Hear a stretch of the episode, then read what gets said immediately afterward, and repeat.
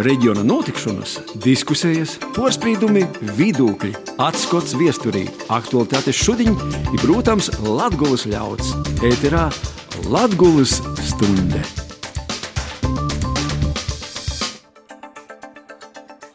Vasarī Latvijas stundas laiks pie mikrofona Tenis Bikovskis. Kad jaungada salūts Latvijā joprojām pēc Krīvejas laika – Tā esam savā ziņā nosaukuši šitos reizes raidījuma tematu. Kopā ar žurnālistiem un pietņīkiem pīzevērsim sabiedrības noskaņojumam, populismam un viscir švaki saukļiem, tiktokam un tam, ko tad varam un vajadzētu darīt, kad salīdēt sabiedrību, un veicinot lojalitāti, kā arī pīderību valstī un vītai, kur tu dzīvoji. Jebkurā gadījumā temats nav vienkārši pusstundas laikā izrunājams, bet īsoksim. Sopus raidījumu, ka visu īsoksim ar eisu atskatu i apkūpojumu, kas tad aizvedētajā nedēļā Latgulā noticis. Ar tū studējā aicināju Maiju Upenieci. Jau visu pagājušo nedēļu Jākopils pļaviņu iedzīvotāji dzīvoja saspringumā, jo daļa teritoriju sātu aplūda, bet par masveida evakuāciju lēmums pieņemts ceturtdienas vakarā sasauktajā civilos aizsardzības komisijas sēdē, dēļ tam, ka jūdins lēmens Daugavā pīkdienas reitā porsnīts pirma vairāk nekā 40 gadiem sasniegto rekordu. Itu brīdi pilsētu no leļiem plūdim pasargoja vēl dambis – Pašvaldība aicina iedzīvotājus naiet un naporzevītot plūdu apdraudētajos teritorijos, jo tas var sarežģīt globēju darbu. Vītējus iedzīvotājus aicināja sekot aktuālajai informācijai pašvaldības sātas lapā un sociālajos kontos. Ceturtdienas sēmas cilvēktīsību un sabiedrisko lītu komisijas Latgulas apakškomisijas priekšsēdētoja omatā ievēlēts Nacionālos apvienības deputāts Edmunds Teirumnieks. Latvijas apakškomisija bija izveidota arī 13. sējumā ar mērķi risinot Latvijas reģiona problēmas, un arī iepriekšējā sējumā apakškomisiju vadīja Tērumnieks. Apakškomisijas sekretāra amatā ievēlēts Rihards Kozlovskis no jaunos vienotības. Tāpat apakškomisijā darbosies vēl desmit no Latvijas apgabala ievēlētī un dažādu partiju deputāti Darba apakškomisijai itamā saimā varētu būt gana daudz, dēļ tam, ka arī jaunos valdības deklarācijā ir vairāki mērķi par Latvijas reģionu. Timā starpā attīstīt un nostiprinot latviešu rakstu valodu, nodrošinot latviešu valodas apgivi. Itu nedēļu Ludzas novadā sokusi strādāt pašvaldības policijā. Īto brīdi tī strādāja divi darbinieki - policijas priekšnieks un inspektors. Savukārt Jākupilī atjaunojamos enerģijas uzņēmums Green Genius plānoja investēt apmēram 90 miljonus eiro saules elektrostaciju parka būvniecībā. Uzņēmums plānoja attīstīt 100 megawatu saules elektrostaciju vairāk nekā 150 hektāru teritorijā. Elektrostacijas būvniecības darbus plānoja sokt jau da ito gada juņam. Tāpat laikā Daugopils nav atsateikusies no idejas veidot industriālo parku bijušos lidostas teritorijā Locikos. Tāpat arī nav atmesta ideja par lidostas izveidi. Itūbrīd Daugopils pašvaldībā izstrādāja projekta tehnisko dokumentāciju, kā arī Daugopils lidlauka itam pīgulušos teritorijas attīstības būvprojektu. Pārno gada nogaļā pašvaldība izsludinājusi konkursu ITO būvprojekta ekspertīzē. Savukārt Augstdaugovas novadā kura teritorijā atcerona bijušais lidlauks, notiek piebraucamo ceļa izbūves projektēšana. Ite gan jāsaka, kur meklēt finansējumu industriālo parka būvniecībai Daugopils pašvaldībai ir skaidrs, bet lidlauka izbūvē pagaidām ne. Daugopils Universitātes profesors etnomologs Arvīts Barševskis komponista Raimonda Paula vārdā nosauc Filipinos jaunatklātu vabeļu sugu, it tādā veidā šonadēļ sveica maestro dzimšanas dīnā – Jaunatklātam vabaļu sugam etnomologs arī agrāk ir devis ievērojumu cilvēku vārdus, piemēram, akadēmiķa Joņa Stradiņa, kinorežisora Joņa Strēča, bet Rēmonda Paula vārdā nosaukto vabaļa dzīvoja Filipinos, Luzona salā. Barševskis, kā zinotnē jaunu sugu, jau aprakstīja pagošo gadu nogaļā. Ko mēs varam darīt Lītas labā, lai Latvijas otro lielāko pilsēta ir Latvijas reģions vairs neizraisītu izbrēnu, pēc vēlēšanu rezultātiem ir būtu lojāla valstī, ja Eiropas vērtībām. Itaidu vaicojumu Daugopils īdzīvotājiem uzdod jaunīte Ladislava Romanova, kura itūnēdeļ sociālajos teiklos publicējusi savu pirmo dokumentālo filmu par Daugopils krīvvalodīgu vidi un propagandas sekom. Jaunos Daugopilītis dokumentālo filmu Daugopils iespēju vai nespēju pilsēta var nosevērt sociālajā teiklā YouTube. Latvijas radio ēterā ņūl Latgulas stunde. Latgulas stundis laiks. Kad jaungada salūts Latgulā joprojām pēc krīvejas laika. Tas, kā jau raidījuma sākumā minēju, ir nosaukums, kādu esam īdevuši itam raidījumam, kad pārunotu par sabiedrības noskaņojumu, par salīdētību Latgulā, par populismu un sociālo teikla tiktok ietekmīs sabiedrību.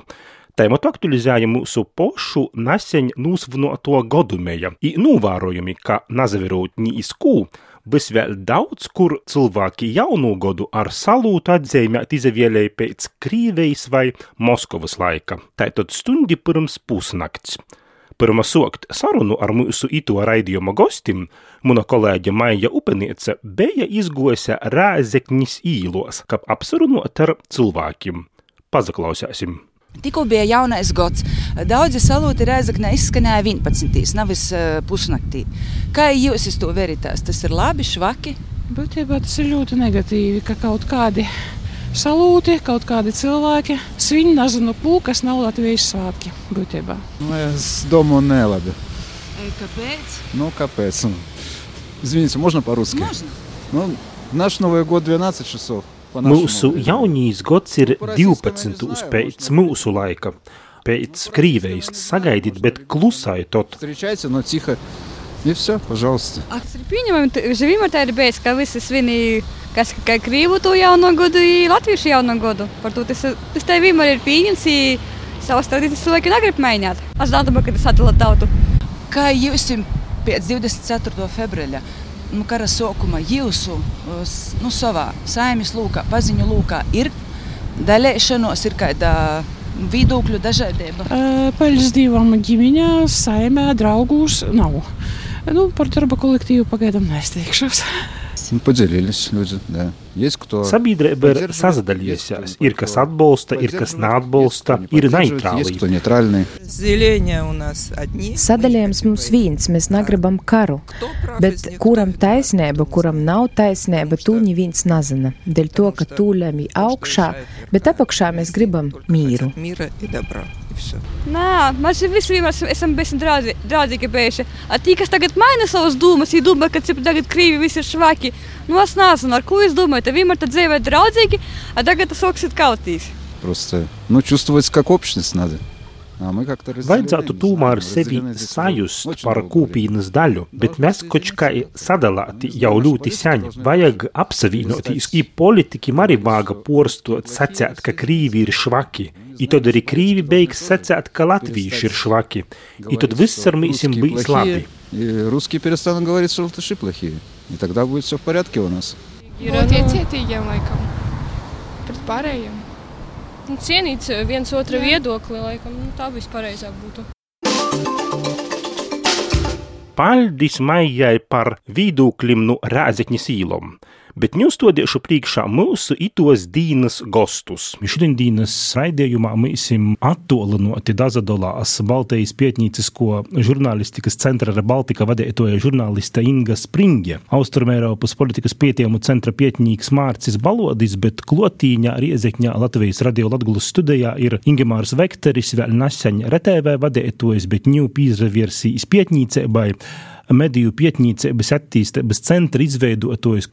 Pagošīs gads Latvijā tāds bija samārā, sacīšu, gudīgi arī skandalos, bija daudz tādu notikumu, kas balstījās uz gandrīz vai nacionālo naida kurinošanu, tika izplatīta arī tāda ļoti pretvalstiska informācija, arī Latvijas obu lielākos pilsētu vadītāji tika saukti uz valsts drošības dienestu. Kā jūs no molus redzat tos pagoša gada notikumus Latvijā? Varbūt ar Ingu sāksim. Nē, nu, ļoti interesanti tie notikumi. Es domāju, protams, tas bija viss ļoti negaidīts, gan ņemot vērā, gan, protams, karš, kur neviens negaidīja, un, un joprojām gaida, ka tas ma- maksimāli ātri beigsies, un, protams, ar Ukraiņu uzvaru. Un, eh, bet no otras puses, kaut kādā mērā tas nepārsteidza. Jo Es zinu, ka latvieši uztver to sāpīgi, ka tur, tur cilvēki no Rīgas kaut ko vienmēr norāda un gudri runā un māca, kā būtu jādzīvo vai vispār nepievēršās. Bet nu, tur tajā pašā laikā tomēr tā sajūta ir, ka tur ir cita, tā, citādāka atmosfēra nekā, piemēram, Rīgā. Un, Un tas, kā pilsētas e, mērija kaut ko tādu saka, no Elksnīka un gadījumā manī laikam nepārsteidza, jo, protams, viņš domās par savu vēlētāju un viņš pieturēsies pie tā, e, kas viņa vēlētājiem patīk, kā viņš pats domā, kas viņa vēlētājiem patīk. Tāpēc tas, ka viņš gāja un imitēja rīcību, ka viņš tagad kaut ko darīs un apturēs, tas nebija pārsteidzoši. Tas, kas no tāda tīri sabiedrības saliedēšanas viedokļa, protams, tas parādīja, ka tur nekāda saliedēšana īsti nav iespējama un nekāda draudzība, ja pilsētas mērs uzvedās lūk šādi. Baloža kungs? Es domāju, ka vispār pagājušais, pagājušais gads kopumā, ne tikai Latvijā, bet vispār gan Latvijā, gan vispār mūsu reģionā bija lielā mērā tāds zināms izšķiršanās gads kad uh, lielā mērā uz tā fona, kas notika Ukrainā, uh, principā arī mūsu Latvijas grādos nācās uh, principā, paskatīties pašiem, varbūt zināmā mērā uz sevi, uz, uz to, kā mēs dzīvojam, vai kādā, kādos apstākļos, kādā situācijā mēs dzīvojam, kādas lēmumus mēs esam vai neesam līdz šim pieņēmuši. Un, uh, un saprotams, ka vairs nevarēja uh, turpināt dzīvot tā, kā mēs bijām dzīvojuši līdz šim. Uh, Taču, saprotams, šeit, šādā situācijā vienmēr pastāv kaut kāda izaicinājuma, vienmēr pastāv zināms šķēršļi. Un, un es domāju, kā, kā Inga minēja, šeit arī uh, Latvijas reģionā bija atsevišķi tādi būtiskāki un, un skaļāki izaicinājumi. Eh, taču kopumā es, es domāju, ka pagājušais gads zināmā mērā kalpoja par labu tādu acu atvēršanas brīdi par to, kur mēs atrodamies un kur mums būtu jāvirsās arī turpmāk, lai mēs izvairītos no tādām, no, no tādām situācijām, kādas, kāda tā ir Ukrainā. Uh, Ingemāra? Nu, likumsakrība piekrīt jau iepriekš teiktajam, ka tas jau nenotika vienā brīdī un vienā dienā. Šī mediju telpas transformācija ir patstāvīgs process, un arī šobrīd, pavērojot to, kas notiek Ukrajinā un transformējot to varbūt arī Latvijas mediju vidē un apskatoties uz jaunumiem, kā šobrīd strādā mediju un kā transformējas mediju vide, ko mēs runājam, kā vajadzētu uzrunāt auditorijas. Es domāju, ka šobrīd atkal mēs drusciņi izvirzam hipotēzes un tās nebalstam uz nekādiem datiem un, un pētījumiem. Līdz ar to faktiski mēs tie, kas šo jomu pārzina, aptuveni nojaušam, kas varētu būt pēc gada, diviem.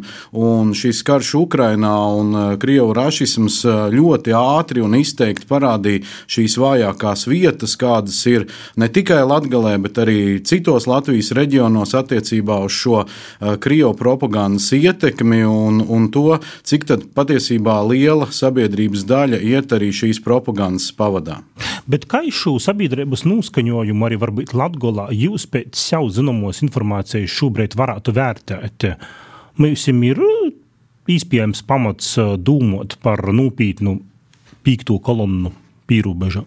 Es no savas puses varu viennozīmīgi teikt, ka šobrīd ir jāpievērš uzmanība tieši viedokļu līderiem, jo, protams, ka Krievu Kremļa mediju liegums Latvijā ir izdarījis arī savu pozitīvo darbu, bet, bet nekas jau nepaliek nemainīgs, īpaši šajā informatīvā kara apstākļos, un, un man šķiet, man šķiet subjektīvi, ka šobrīd arī izvirzās šie viedokļu līderi, kas veido šo kolektīvo domu un cenšas ietekmēt sev lojālās sabiedrības grupas vai panākt šo grupu lielāku lojalitāti sev. Un tas arī ir šis valsts drošības dienestu un mūsu vispārējās nacionālās informatīvās telpas sargātāju uzdevums saprast, atrast un novērst šīs te, lietas, kuras draud tiešām ar diezgan lielām nepatikšanām. Mārcis Balot Valdi, jūs esat daudz pietiešu Krīvijas ietekmi Latvijā, balsties to arī uz zinātniskiem pietiekumiem. Kāds ir jūsu viedoklis par šo pīkto kolonnu Latvijā? Jo nu, tūmēr tikko sagaidot jaunu gadu, šeit salūta šaušana. Ne pēc Latvijas laika, bet 11. tas ir pēc Moskavas laika, bija nu, tāda ļoti izteikta. Un tas arī sociālajos teiklos uh, cilvēkiem rada bažas. Nu, ar ko tas ir skaidrojams, ka Latvijā dzīvojušs cilvēks uh, nes viņu jaunu gadu pēc valsts laika? Es šeit uzreiz papildinātu, ka salūta šaušana pēc Maskavas vai pēc kādas citas Krievijas pilsētas, pilsētas laika nav, nav tikai Latgales īpatnība. Pats Rīgā dzīvoju mikrorajonā un var pilnībā droši apgalvot, ka, ka šādi fenomeni ir novērojami arī, arī ārpus Latgales. Taču kā piemērs tas varbūt kalpoja kā ilustratīvs par to, ka gadu gaitā, tā skaitā mūsu pašu uh, nepieņemtu lēmumu dēļ, mēs esam ļāvuši teiksim, Latvijā nosarbināties Krievijas informatīvai ietekmei faktiski līdz tādai situācijai, ka Latvijā ilgstoši pastāvēja faktiski pat divas informatīvās telpas ar krasi atšķirīgu informāciju, uh, kas tajā ir pieejama, un arī ar krasi atšķirīgu informācijas kvalitāti. Uh, Tāpēc arī teiksim, šo te Krievijas kanālu vispār, un arī internetu mediju bloķēšana, protams, ir, ir bijis pareizs lēmums, taču tā ir tikai puse no cīņas, jo, ja mēs esam zināmā mērā ieviesuši vakumu daļā informācijas telpas, tagad būtu īstais laiks šo informācijas vakumu pašiem aizpildīt ar, ar informāciju, ar objektīvu informāciju, un turklāt arī jāatceras, ka Krievijas dezinformācija, vispār Krievijas informatīvā telpa ir, ir um, tendēt uz oportunismu un uz pielāgošanos situācijai. Taču nedaudz paturpinot iepriekš minēto par sabiedrības noskaņojumu, man diemžēl nav konkrēti dati par Latviju, taču vispār, vispārējie dati par Latviju liecina, ka tā sabiedrības daļa, kur pamatā izmanto krievu valodu, šī sabiedrības daļa lielā mērā ir teiksim, nonākusi tādā arī izšķiršanās situācijā jau sākot principā, pērnā gada pavasari. Uh, kad socioloģiskie dati liecina, ka šī sabiedrības daļa nezina īsti, kā orientēties attiecībā pret Krieviju. Ja, ja respektīvi, iepriekš šī ir sabiedrības daļa, kur bija salīdzinoši optimistiska vai samierinieciski noskaņot pret Krieviju, šeit, šis noskaņojums vairs nebūtu nav, nav, tik, nav tik viennozīmīgs, nav tik skaidrs. Um, kas lielā mērā arī skatoties to teiksim, no tādas ārpolitiskās perspektīvas, tas, tas ir interesants Krievijas panākums pēdiņās kā pašai zinām mērā pat atbaidīt daļu savas mērķa auditorijas, tieši tas, ko Krievija ir mēģinājusi attīstīt visu šo gadu gaitā. Inga, kā tas viss izvērās no žurnālistisko viedokļa? Jā, zinu, es pierakstīju ļoti daudz lietas, klausoties, ko man gribējās teikt. Viena no tām ir tieši tā par to piekto kolonu atgalē. Es domāju, ka piektā kolona ir arī purcienā, purciemā un pļauniekos un vēl vis kaut kur. Tā kā varbūt šajā gadījumā ten tu pat pats kaut kur nedaudz uztur to mītu par piekto kolonu un latgali. Tā es tam negribētu tāpēc arī piekrist. Tā kā nevajag varbūt mums pašiem to darīt. Otra lieta, kur es strādāju šobrīd, kur, kur, par ko es jūtos drošāk runāt, ko es pārzinu ikdienā arī pētu, Mēs, protams, vienmēr runājam, ka vajag stiprināt mediju telpu vai dot vairāk naudas saturam, kas arī daļai tiek dots Latgales medijiem arī tiek papildus finansējums. Jautājums par to, vai vajag vairāk par to var vienmēr runāt, bet tas, ko es redzu no sava darba, pētot sociālos medijus, nu, mums ne tikai attiecībā uz Latgali, mums vispār valstiskā mērogā ir milzīga problēma, ka liela daļa iedzīvotāji arī ziņas, informāciju iegūst no sociālajiem mēdījiem, bet tajā pašā laikā mums nav pietiekama pretspars informācija, ko likt pretī šajos sociālajos mēdījos. Jā, mums ir varam runāt par kvalitāti, bet mums tomēr ir Delfi, mums ir TVNS, mums ir Latvijas rādio, Latvijas ziņu studija, kā jūs, piemēram, kur jūs raidat. Bet jautājums, cik daudz, piemēram, arī jūs liekat savu saturu sociālajos mēdījos? Cik daudz šis saturs ir sociālajiem mēdījiem piemērotā formātā? Vai tu te ierunā TikTok un tu izstāsti TikTok, TikTok formātam piemērotā veidā? Šodien nu, ziņa ir tāda un tāda.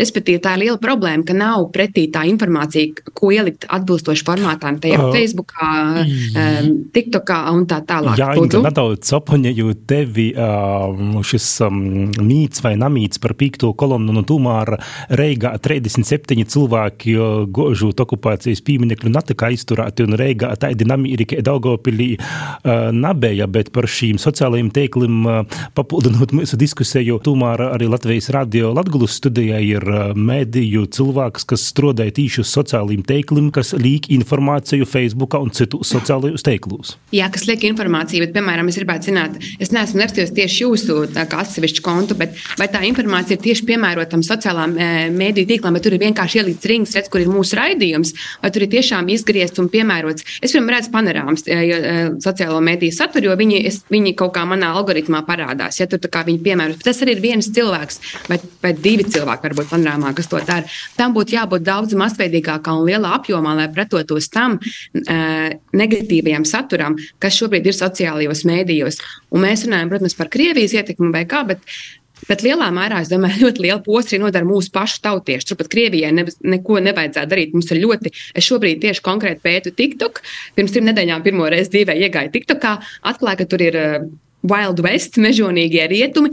Tieši tas pats, kas bija ar Facebook pirms kaut kādiem gadiem, pieciem, sešiem, kad Facebook sāka piegriezt kaut kādu satura skrūves, kur ik viens ar lielāku vai vairākā mērā likt, ko vien vēlās, un ir ļoti izteikti atkal šie visi ir slikti konti. Es pat nevaru teikt, vai tur obligāti ir Krievijas propaganda, ka tur pret, pret Ukrainu vai, vai par Krieviju, bet tādā līmenī.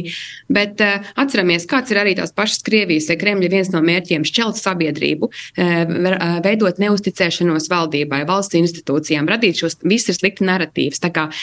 Un tajā pašā laikā mums ir pašiem savi cilvēki, kas dara tieši to pašu. Es nezinu, vai viņi ietekmējas no Krievijas vai neietekmējas no Krievijas, bet mums ir pilns ar šādiem kontiem. Ar uh, TikTokā man pārsteidz, kā es saku, ir pilns ar maisaimniecēm, sievietēm ap 50, kurām ir liels sekotāju skaits, kuriem ir ļoti liels simtiem tūkstošiem laiku viņu profiliem, kur katru dienu liek iekšā par to, cik šajā valstī viss ir slikti. Un, eh, kad es par šo aicināju cilvēkus man rakstīt Facebookā par viņu novērojumiem, man pārmet, nu jā, bet tas taču tā ir, kur ir problēma. Mums valstī taču ir ļoti daudz šīs sliktās lietas. Jā, mums ir sliktās lietas, bet šajos kontos neparādās vispār nekas pozitīvs. Tur ir tikai viss ir negatīvs. Un tad, kad es runāju, mēs runājam, ar ko es iesāku, jā, mums ir ļoti labi, ka mums ir mēdī, ka mēs domājam par kvalitatīvu saturu, mēs runājam, ka vajag vairāk pētniecību. Arī no Latgales vajadzētu vairāk pētniecisku un kvalitatīvāku nu, tādu analītisku saturu, kam droši vien arī vajag vairāk resursu un zināšanas, bet tas, kas mums ir tā vājā vieta, mums ir sociālajie mēdīji. Mums nav pietiekamā daudzumā informācijas, ko likt pretī šiem visiem slikti narratīviem. Es, piemēram, iegāju finanšu ministriju. Nu, viens no mītiem, par ko ļoti bieži pārmet, ko es redzu, kas ir populārs šajos visus ir slikti kontos, ir par valsts ārējo parādu, ka mums ir pieaudzis milzīgs parāds, es, ko Kariņa Levita režīms ir izdarījis. Ja? Es iegāju finanšu ministrijā, domāju, nu, varbūt atradīšu tur kādu infografiku, piemēram, vai mazu video par valsts ārējo parādu, kur būtu skaidrojums, ko es varētu ielikt TikTokā pretī vai Facebookā, kad es redzu šo narratīvu no tām viss ir slikta puses. Bet nav tāda, nav tāda satura. Ministrijas joprojām štancē pēc vecā ierastā, re, kur mums ir Facebook lapu un, lapu un ieliekam, ko ministrs vakardien labi izdarīja, vai kur viņš pārgriez lentīti vai kādu lēmumu pieņēma. Nu, tā ir tāda vecā skolas domāšana.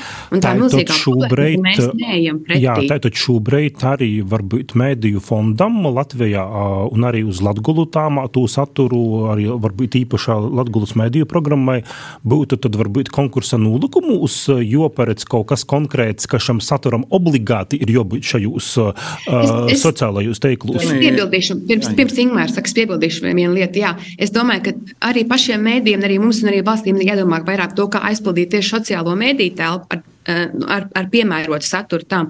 Un uh, akmens dārziņā mums ir ļoti labi. Es, piemēram, dzīvoju Igaunijā, arī daļai es redzu, šeit, piemēram, valdība neatbalsta finansiāli mēdīs, tā kā tas ir Latvijā. Tā, tas tiešām ir plus, ir kaut kas labāk Latvijā nekā Igaunijā. Bet, ja paskatāmies, lūk, atkal būs konkurss uz MAFU, uh, cik no visa piešķirtā, vismaz šobrīd, ko es saprotu, cik ir ieplānots, 7% no visu finansējumu būs interneta mēdījiem. Vairākums ir televīzijai, radio, presē, kur, piedodiet, ir gandrīz nomirusi, bet labi atbalstam, bet proporcionalitāte. Cilvēku mūsdienās daudz vairāk informācijas iegūst tieši no interneta, bet valsts finansējums mēs uz internetu iztērēt varam vismazāk finansējumu. Tā kā šī ir otrā lielā problēma. Mums nav satura, un arī valsts atbalsts, kas nāk, nenāk interneta saturam, Ingemāri. kur cilvēki iegūst visvairāk. Nu, par māfu es domāju, mēs varētu uztaisīt apmēram divu ar pusi raidījumus vēl stabili, jo arī mediju vidē esot un saprotot to, ka klasiskie lineārie mēdīji vēlas transformēties digitālajā vidē. Protams, es arī novēroju to, ka ar vēlmi jau vien nepietiek. Nav resursu numur viens un nav arī zināšana. Un tas ir tas, uz ko būtu arī mafam jāliek uzsvars, jo vēl viena no lietām, kur būtu, tur ir daudz lietas attiecībā uz mēdīju atbalsta fondu, sākot ar to, ka bija plānots institucionālais atbalsts, tas ir atbalsts mēdīju redakcijām, noturīga biznesa veidošanai un attīstībai, bet nu, teiksim tā, ja sistēma nav sakārtota, tad tur bezgalīgi var eh, investēt līdzekļus un rezultātu no tā nesaņemt nekādu, jo um, ne visi lineārie mēdī ir gatavi transformēties digitālajā vidē, bet tie, kas ir, tiem šāda iespēja ir jābūt. Uh, ir arī virkne mēdīju, kuri šobrīd arī mēdīju vidē ir ļoti labi pelnoši, ir attīstījušies, un viņi varbūt sev uh, godīgi var pateikt, mums finanses pietiek, mēs uz atsevišķām satura sadaļām gribam valsts valsts atbalstu, bet nu, mēs redzam, ka piemēram tāda un tāda mēdīņu grupa būtu atbalstāmāka, bet tas droši vien nav jāprasa mēdījiem. Tas ir jāprasa mēdīņu stratēģiem, kas godīgi arī šo situāciju izvērtē un zina. Pirmkārt, zina un saprot, kāds saturs tad tai auditorijai būtu jāveido kādās platformās, lai šis saturs šo auditoriju sasniegtu. Jo nepieciešamība ieguldīt ziņās un analītikā, protams, ir nenoliedzama, bet šī krievalodīgā auditorija lielā mērā patērē tieši izklaides saturu, caur ko viņi arī šo te, uh, sentimentu vai sajūtas iegūst, un caur to arī tiek iepilināta šī propaganda. Ziņas un analītika no Krievijas nāks ar vien vairāk un vairāk, un, un mēs tā kā kuģi ar sūdzi cenšamies pirkstu vienā caurumā ielikt otrā, bet tie plūdi tojas, un viņi ir ļoti lieli, tas, ko Inga arī teica, um, nedaudz no cita rakursa arī uh, šis Facebook un Instagram propagandas kanāla apsīkums bija skaidrojams ar to, ka tika noregulēts tas, ka šī viltus informācija parādās daudz mazāk, bet tāpat laikā nesamērīgi milzīgi pieauga Telegram, TikTok un kontakte un YouTube patēriņš tieši no tās auditorijas daļas, kas šo te Kremļa propagandu vēlas patērēt un šajos te uh, izplatīšanas kanālos viņu arī saņem. Līdz ar to visu laiku ir jābūt dzīvi, jāseko līdzi, jo tas, kas strādāja pirms 3, 5 gadiem, šobrīd vairs nav aktuāli. Un ja kāds ierakstīs, ka viņš tagad izvērtīs savu darbību tajā vai tajā platformā, viņš jau būs atpalicis par 3, 4 gadiem, un tas to auditoriju nesasniegs. Tā kā šis ir plašs, komplekss jautājums ar ļoti pamatīgu ekspertīzi un online sekošanu līdz aktuālajiem, kas šobrīd nenotiek, jo šobrīd es domāju vienu, tenis domā citu, Inga balstoties uz datiem kaut ko vēl, bet nav tāda kopīga vīzija, kā šai mēdīju uh, formai, kā šai stratēģijai būtu jāveidojās un jāattīstās. Tad īstenībā nav kopīgas vīzijas, bet pirms tam Mārcis Balodis secināja, ka trūkst arī datu. Kā jūs no nu, mediju puses, no nu, žurnālistikas puses, arī no pētniecības puses redzat, mm, kā mums ir pētījumiem par situāciju Latvijā, par Latvijas mediju telpu, par to, varbūt, kam finansējums arī, arī, arī, arī valsts piešķirtīs finansējums ir vai nav jodūt? Attiecībā uz to, kur, kur tiešām var runāt par vīzijām, es esmu kaut kā nogrumis. Mēs runājam par vīzijām un tādām lietām, un reāli, ko teikt darīt. Attiecībā uz sociālajiem mēdījiem tur nav nekādas vajadzīgas vīzijas. Ir skaidrs, ka tas ir galvenais veids, kur tiek šobrīd nonāk šī propaganda. Mēs esam aizklapējuši ciet Kremļa kanālus ļoti labi. Mēs esam aizklapējuši ciet interneta lapas.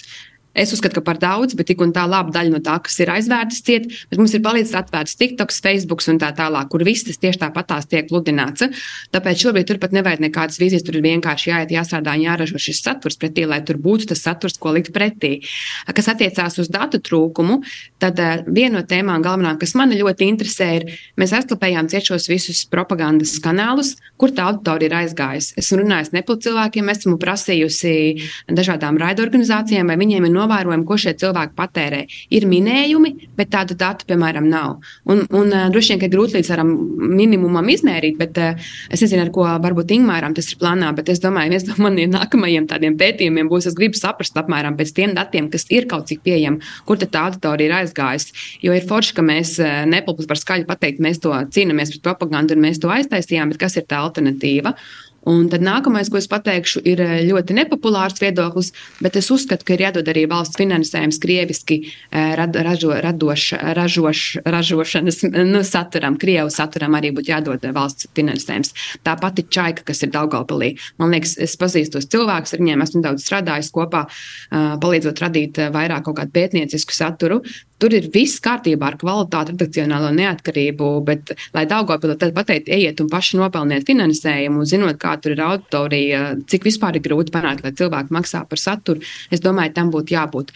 Protams, ir uztraukums, ka tad, ja cilvēkiem nebūs motivācijas mācīties krievu latviešu valodu, ja jau viss saturs viņiem būs pieejams krieviski. Protams, ir paralēli jāveic šeit ir tie paralēlie pasākumi, lai veicinātu latviešu valodas apgūli, lai viņiem būtu e, šīm iedzīvotājiem iespēja, kur praktizēt to valodu vai mācīties. Mm -hmm. Bet es pilnībā neuzskatu, ka tas ir izcinājums, ka mēs pilnībā nogriežam visu nost un vietā neko nedodam. Mums ir jāpiedāvā arī vietā. Es nedomāju, ka vajag televīzijas kanālu, tas būtu pārāk dārgi, bet es domāju, tas saturs jau, kas tiek ražots, tas būtu atkal jā, jāpārpako un jāsliek sociālajos sociālajos mēdījos, lai tur būtu tā informācija. Un šādiem vairāk lokāliem, reģionāliem uz vietas mēdījiem būtu arī krievu satura ražošanai jādod. Uh -huh. Latvijas radio ēterā ņūl Latgulas stunde.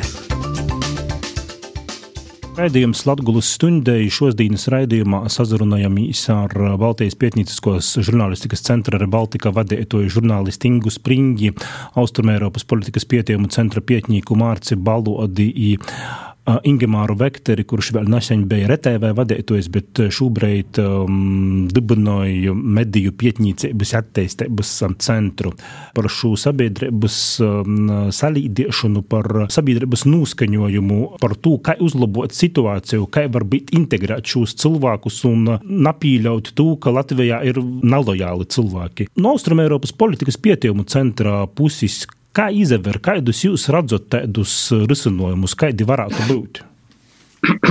Um, es sākumā, zinām, mērā atkārtošu to, kas tikko jau tika teikts, bet viena lieta ir informācijas pieejamība. Uh, vietējiem auditoriem turklāt es arī šeit piekrītu, ka daļa no atbildes, manuprāt, ir uh, valsts teiksim, līdzfinansēta satura pieejamība Krievu valodā. Uh, Tie ir tā iemesla pēc, ka auditorija gal galā izvēlas saturu uh, pati pēc savām, pēc savām vērtībām, pēc tā, kas tai ir pieejams. Un šobrīd, es domāju, svarīgāk ir panākt, ka auditorijai pieejams kvalitatīvs, objektīvs saturs, kas neapdraud Latvijas drošības intereses, neatkarīgi no tā, kādā valodā tas ir pieejams. Bet vienlaikus jā, tam ir jānotiek piemēram, ar izglītības sistēmas pārēju uz uh, mācībām latviešu valodā, jo gal galā arī valoda ir viens no viens no apsvērumiem, kas, kas palīdz veidot uh, vienotu kolektīvu, kolektīvu mm, domāšanu, teiksim, tādu, un arī piederības sajūtu. Uh, un vispār jā, par medijiem runājot, es domāju, vispār šeit ir tas, tas fundamentālais jautājums par to, kādu informāciju uh, mēs varam sniegt paši saviem iedzīvotājiem. Tas attiec arī uz valsts strateģisko komunikāciju, respektīvi ne tikai mediju līmenī, bet arī valsts spējā skaidrot uh, valstī notiekošanu valsts lēmumus. Uh, Um, un tāpat uh, arī attiecībā uz saliedētību. Uh, fundamentāli svarīgs jautājums, taču gal galā jautājums, ko mēs kā pētnieki, mēs šeit kopā varam ietekmēt, tās ir arī pašas pašvaldības un pašvaldību īstenotie lēmumi, jo gal galā pašvaldībām ir ļoti svarīga loma tā valstiskuma kā tāda veicināšanā. Uh, šeit es jau, jau atkārtošos, es domāju, ten, tu jau šo esi atklausījies no manis, bet eh, teiksim, tieši mums, ko mēs kā APPC esam pētījuši Latvijas kontekstā tieši par pašvaldību sadarbību un par pašvaldību tā, tā devētajiem zemās politikas eh, lēmumiem un risinājumiem. Savos reģionos esam redzējuši, ka pastāv tāda nekritiska attieksme eh, pret ne tikai pret Latvijas ārpolitiku, bet arī nekritiska attieksme pret, pret sadarbību ar, ar citiem reģioniem, citām valstīm, kuras turklāt Latvijai nav draudzīgas. Tāpēc šeit, eh, es domāju, daļa no šīs atbildes slēpjas arī tajā, kā pašvaldības pašas izvēlas īstenot savus lēmumus un kādus lēmumus vispār pašvaldības pašas pieņem. Bet kā, bet kā ietekmēt šos pašvaldības lēmumus, ja, piemēram, vēl pagošu gadu Rēzekņas dūmis priekšsādātājs Bartaševiča kungs tika saukts runot uz valsts drošības dienestu un noteikti jam valsts drošības dienestā kretē ar pierakstu un secā, ka šādas pretvalstiskas runas nav runot, bet tikko, kā iz iziet šis pašvaldības informatīvīs izdevums, kur ir notikumu kalendārs par pagošu gadu, un tur ir šis okupācijas pieminekļa nojaukšana nosaukta par neveiksmi, nalabu lītu, dūme nevarēja neko darīt. Tātad, Jūs sakat, ka pašvaldībām jāsamainās. Drošības dienests pašsauc pašvaldības priekšstādā to parunot, bet kas mainās? Nezamainās nekas. Viņi turpina izplatīt savu retoriku, savus uh, izdevumus. Jā, šis ir, es domāju, zinām, mērā miljons eiro jautājums. Jāatceras, ka mēs gal galā dzīvojam demokrātijā, un, diemžēl, ne, neviens, diemžēl vai par laimi pareizāk, bet nevienam nav tiesība tā konkrēti teikt, um, kā pašvaldības tieši drīkst un nedrīkst pieņemt savus lēmumus, taču fakts, fakts paliek fakts, ka uh, Mums ir jāpalielina pašiem objektīvas informācijas pieejamība viet, vietējās sabiedrībās. Un tāpat arī, es domāju, šeit ir pastāv arī citu institūciju teiksim, resursi, jo gal galā pašvaldību, pašvaldībām uh, ir jāizsno lēmumi, kas atbilst valsts drošības interesēm. Līdz ar to šeit pastāv arī, es domāju, vēl citas ietekmes sfēras, taču gal galā, gal galā pašvaldība izvēlas paši iedzīvotāji. Saimā šūņadēļ bija diskusija par to, ka īspējams pašvaldību vadītojiem Latvijā būtu josijoja tātad un jodomā īspējams par to, ka viņiem teik dūta vai nadūta pieeja valsts noslēpumam. Pašvaldību vadītāji vadītājiem vajag pielaist valsts? Man šķiet, ka tas nav aktuālākais jautājums. Tad drīzāk ir jautājums par kaut kādu palielināt šo sabiedrības līdzdalību un, un, un tam līdzīgi. Jo nu, pašvaldību vadītājs, man liekas, viņam tas valsts noslēpums nav nemaz aktuāls. Diskusijas šādas saimā ir. Nu, vakar bija. Zini, Denī, man liekas, ir tik daudz lietas, tik daudz mājas darba, kas nav izdarīta. Un kamēr mēs nonākam, kāpēc pašvaldībā ir konkrētais cilvēks, kādēļ šī sabiedrības daļa viņam ir uzticējusi savu balsi, saskatot tur kaut kādu nākotni vai perspektīvu. Drīzāk te ir jāveido izpratne par to, kas tad ir Latvija, ka tas ir vienota valsts ar savu nacionālo identitāti, ar savām kļūdām, bet arī ar saviem veiksmes stāstiem. Kamēr, kamēr būs šī iespēja mums pašiem mest klāt eh, pagalītas ugunskuram un teikt, ka viss ir slikti, tikmēr es domāju, eh, valsts noslēpuma piešķiršana, nepiešķiršana, tur nezinu, ātruma neatļaušana, atļaušana neko nemainīs. Tas ir tāds nianses, kas mums liek varbūt nomierināties, teikt, nu tagad, tagad būs labāk, bet patiesībā jau neko tas nerisina. Bet ko mēs varam darīt? Kā mēs varam skaidrot šiem cilvēkiem, kas varbūt mīsim tepat Latvijā, dzīvoja kaimiņus, kā mēs varam runāt ar tiem kaimiņiem, vai tiem draugiem, kuri skatās šo, piemēram, propagandas saturu TikTokā? Nu, es domāju, ka viens ir, mēs sakām, tas arī, ko Ingūna Zaļai arī saka, ja mēs tā kā fokusējamies uz to kā padarīt viņus patriotiskāk ar kaut kādu sodīšanas veidu, vai, tur, piemēram, nedod pielēt valsts noslēpumam, ko es domāju, pašvaldību vadītājiem nemaz īpaši nevajag. Bet uh, es domāju, ka jārada saskarsmes, ir, ir tas, kas ir jārunā, jārāda, jārunā par lietām, ka šos cilvēkus reāli uztrauc, kas viņus reāli ietekmē ikdienā. Tie paši pašvaldību vadītāji, viņi jau saka to, ko grib viņu vēlētāji. Ja mainītos pieprasījums pēc viņu vēlētājiem, ja viņš, piemēram, sāktu, ja, piemēram, mēdī pēkšņi rakstītu par izglītības problēmām uh, Latgalē, par, par skolu kvalitāti, par to, kāda ir skolotāja, par to, ko vajadzētu runāt vairāk. Es domāju, šis daudz vairāk uztrauc arī krieviski runājušos, jo katram ir tiem, kuriem ģimenē ir bērni, viņi domā par saviem bērniem. Tas viņiem rūp daudz vairāk nekā par to, vai esmu pietiekami patriotisks vai neesmu pietiekami patriotisks, ka ir jārunā par šīm problēmām un jāparāda, ka. Um, ka šeit nav atšķirības, vai tu esi krievs vai tu esi latviečs. Problēma mums ir viena. Mēs gribam, lai mūsu bērniem būtu laba izglītība. Un jāiet caur šīm problēmām, ir jārunā vairāk par problēmām, kas patiešām ir aktuāls pēc, būtīs, pēc būtības, kas arī ļaut šiem cilvēkiem dot sajūtu, ka viņi kaut ko var mainīt, kaut ko ietekmēt, ka kāds par viņiem arī rūpējās. Šo, šobrīd ir tikai tas galvenais uh, obligāti mācības uz latviešu valodu. Es neesmu par to, tas ir jādara, bet tas viss tā forma, es padomāju, tad krieviski runāšu viedokli, iedzēt, kā viņiem ir sajūta. Tur runāt nevar par to, mēs sodīsim par kādu čuškas cietšanu mēs tevi sodīsim, tagad būs tikai jāmācās latviešu valodā. Tās lietas ir jādara, bet tas formāts, kā tas notiek, mēdījiem nekādas finansējums nav, mēs nogriežam visu nost.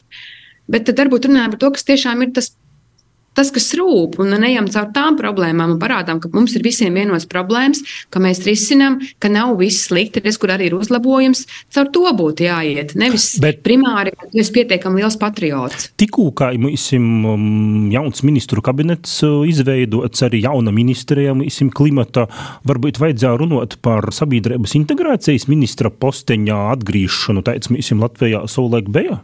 Es, nezinu, es būtu pilnīgi pret. Es būtu pilnīgi kategoriski. Man, man, man uz galda ir Sabiedrības integrācijas fonda stratēģijas mērķu karte 22. un 24. gadam. Nu, es tādus ģenerālos saukļus, ja tā tad palielināt sabiedrības līdzdalību, atbalstot sadarbības, prasmju attīstību un paplašināšanu, stiprināta nacionālā identitāte un piederības sajūta Latvijai. Ja? Tie ir daļa no punktiem. Tā tad ir struktūra, ir kāds, kuram šī lieta rūp, un, nu, ja tas realizējas, es domāju, apsveicami. Nu, ministrs vai, vai kāds cits, tas ir nu, šajā gadījumā svarīgāk būtu, lai būtu rezultāts. Jo, ja jau integrācijas fonds šo apņemas, tad lai viņiem izdodas, un žurnālistu uzdevums varbūt ir pasakot līdzi, lai tas tā arī notiktu. Jūs paši strādājat mediju lauciņā, strādājat pietnīcības lauciņā. Vai jūs varbūt paši plānojat kādas aktivitātes pīrāžā, kādu mediju pietnīcības projektu vai kādu zinātnisku pietnīcisku projektu? Mums ir Baltikā šobrīd ir patiesībā viena doma, bet mēs neesam paši izlēmuši, vai mēs to realizēsim. Jo mēs esam arī Baltikā kā žurnālisti, mēs esam trīs cilvēki. Tas viss ir atkarībā tas rakali no iespējām, cik daudz mēs varam. Un, kā es teicu, internetam ir vismazākais finansējums. Mēs konkurē, konkurējam kopā ar, ar, ar Delfi TV. Jā, bet Inga, varbūt, varbūt būtu vērts, es te arī visas valdības deklarācijas lasot, bija taču uzsvers uz šo pētniecību. Jā. Tas pat nav saistīts ne tik ļoti ar mēdīju atbalstu fondu, jo šie pētniecības darbi attiecībā uz informatīvo telpu ir gan mēdīju jomas karoši, gan nacionālo drošības karoši, gan noteikti vēl daudzas sfēras karoši. Līdz ar to es uzskatu, ka arī pētniekiem jābūt varbūt aktīvākiem, proaktīvākiem uz to, ka šī naudas daļa nav jānoņem mēdījiem, ja tā drīkst tiešā tekstā teikt, jo viņiem ir jāražo saturs, bet viņiem ir jāražo saturs, kas lielā mērā var balstīties uz šiem pētniecības rezultātiem. Tā skaitā arī par krievu valodu, par krievu valodas teiksim, satura atbalstīšanu tas arī ir. Mums šķiet, ka Īstermiņā jā, bet vai ilgtermiņā tas tā ir? Droši vien, ka nē, jo arī kaimiņu valsts Igaunija iet uz to, ka būs šī igauņu valoda viss pamatā. Un, ja būs viena valoda valstī, tad mums arī būs vienots redzējums par valsts nākotni. Jo Inga nesen redzēja sižetu par mūsu dzimto pilsētu Rūjienu, kur kādai kundzītei tika uzdots jautājums, un viņa atbildēja krieviski. Es domāju, kā tas ir iespējams, ka kundzei, kurai ir ap gadiem 80, dzīvojot Rūjienā, Latvijas vienā no latviskajām pilsētām, nav bijusi bijusi vajadzība iemācīties latviešu valodu. Kas notiek? Tas gan man pārsteidza. Mm. Bet uh, es vienu vien piebildu par to Igauniju. Igaunijā tiešām nav tāda mediju fonda, bet sākoties karam Ukrainā, viņi izņēmuma kārtā piešķīra naudu medijiem un tieši krieviskas, krievu valodā satura ražošanai. Es zinu, ka, piemēram, Delfi, Krievu Delfi Igaunijā dabūja finansējumu. Un es saprotu, ka ar lielām, ar lielām debatēm, bet arī šim gadam ir piešķirts Krievu satura ražošanai Igaunijā finansējums. Bet viņiem nav tā kā var dabūt kā mums, nu, kad, kad nu, Igauņu valodā rakstošajiem vai veidošiem satura mēdījiem. Mārci, cik daudz jūs no Austrumēropas politikas pietījumu centra tomēr pīzavieršatīs Latgolus pīrobežas specifikai varbūt ir kas paredzēts šogad, jo pats jūs sacījāt, ka trūks datu, trūks pietījumu. Jā, teiksim, Latvijā mēs esam pievērsušies agrāk.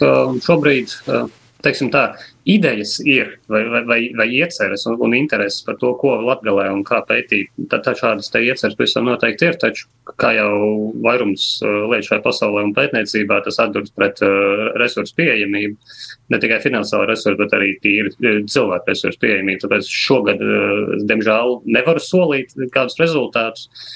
Taču, ņemot vērā, tīpaši ņemot vērā arī to, kas notika pērn, arī no mūsu puses ir pastiprināta interese vispār par, teiksim, par mūsu pašu sabiedrības ievainojamību. Un tas attiecas ne tikai uz Latviju, bet, protams, Latvijā šeit arī būtu būtiska daļa.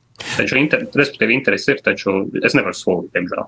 Inga nazabēšu protams, tas mums subjektīvīs viedoklis, bet nazabēšu sacēt, ka Latgolā trūks šos pietnīciskos, analītiskos žurnālistikas, trūks cilvēku, kas ir uh, kā saka, nūzaris profesionāļu, bet ko darāt, jo tomēr daudz ir runots par to, ka mums ir jostiprina pīrūbežas informatīvo telpu dažādos aspektos, ne tikai mediju aspektos, bet, bet kā piesaistīt šos profesionāļus. Mēs zinām, ka, ka profesionāļi daudzi, kas arī varbūt dzimuši Latvijā, nav vairs uz vietas Latvijā, īstrodoju, diemžēl, Reigā.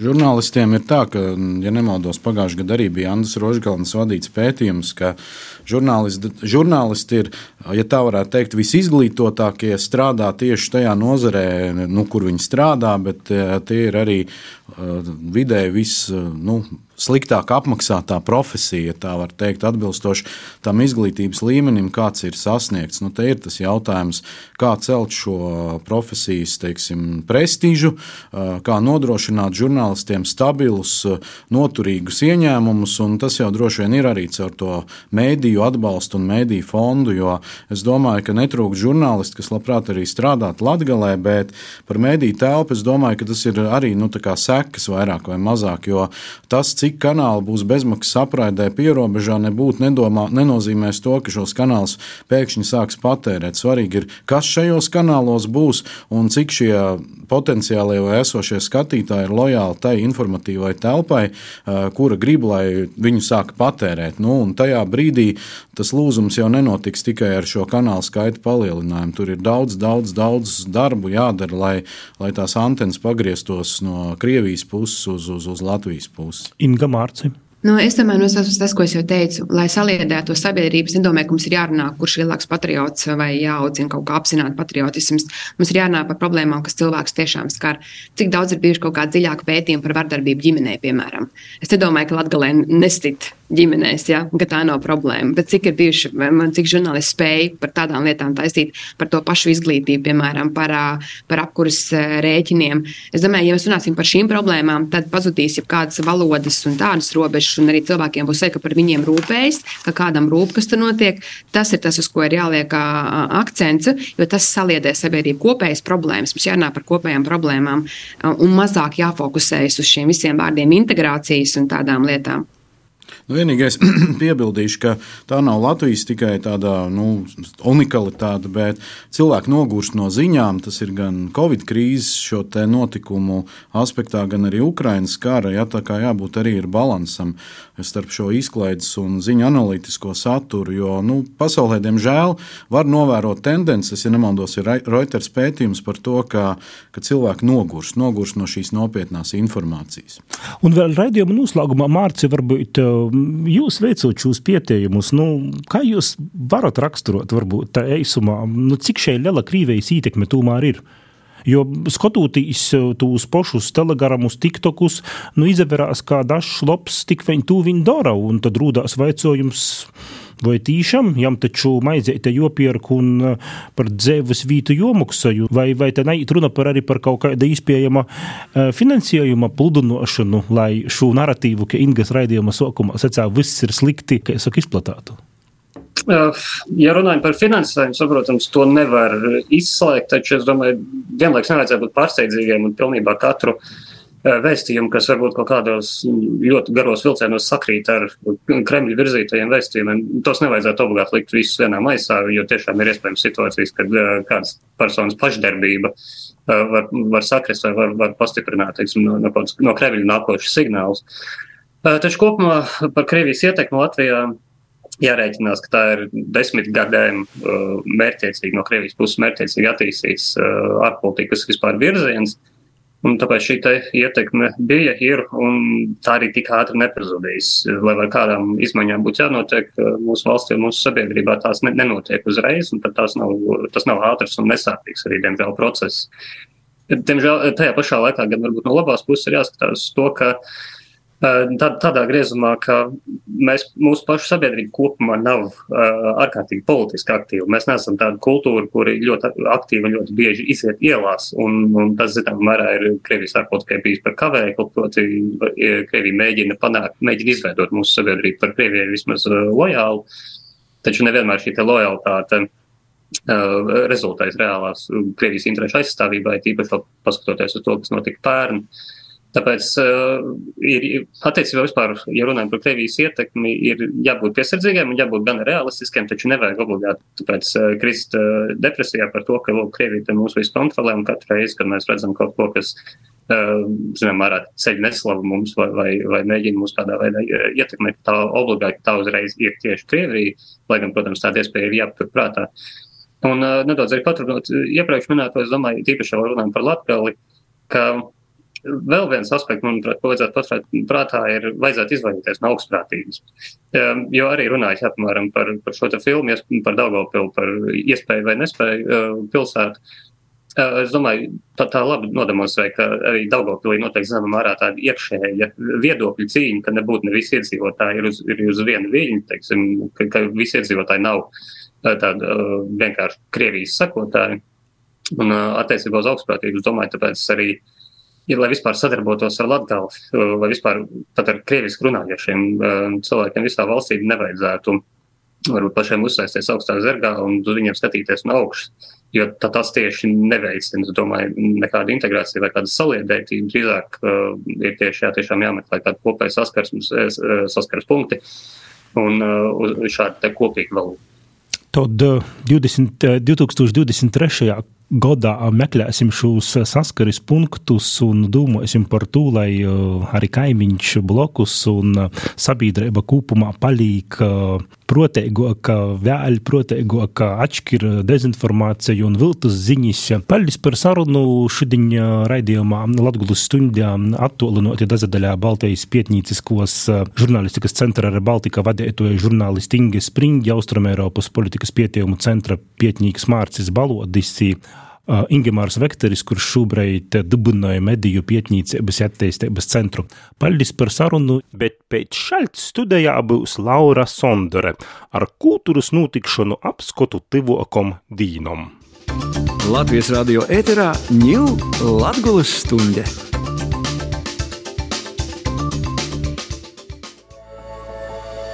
Napalaid garam! Kultūras pasauciņa apskats tuvākajam dienam! Labadīna Latvijas stundas klausētoji! Kā visādi itamā vītāja laikā aicināju jūs ļautīs kultūrālam brīvdīnam.